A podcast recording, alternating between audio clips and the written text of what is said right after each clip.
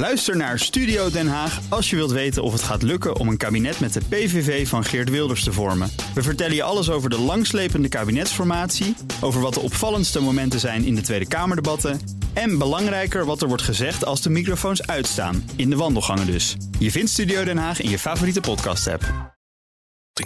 De column van Jaap Jansen. Koning Willem-Alexander zei het in de troonrede.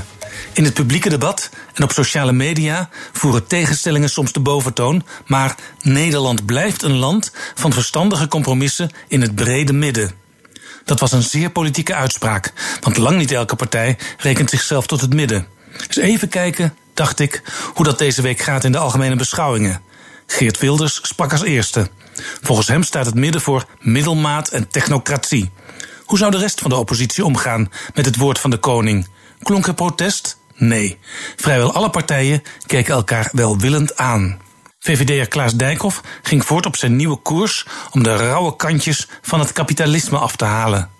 De VVD is niet langer de partij van grote ondernemers die liever geen belasting betalen. CDA Pieter Heerma hekelde het misbruik dat slimme snelverdieners maken van marktwerking in de zorg. Hij wil af van het begrip woningmarkt. De overheid moet zich weer gaan bezighouden met volkshuisvesting.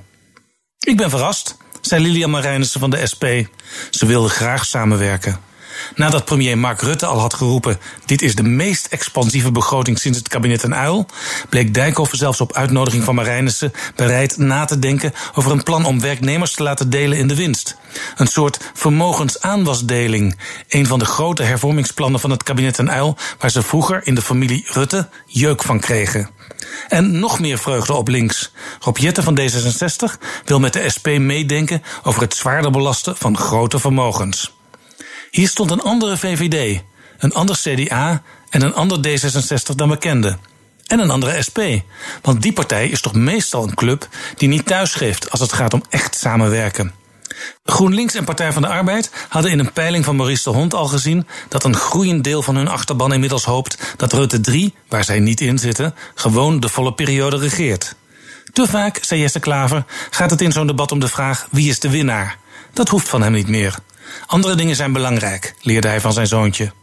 In de begroting staat veel om blij over te zijn, benadrukte ook Lodewijk Asscher, die er in de concurrentiestrijd op links fijntjes op wees dat hij de leider is van de enige oppositiepartij die weet hoe het is om te regeren.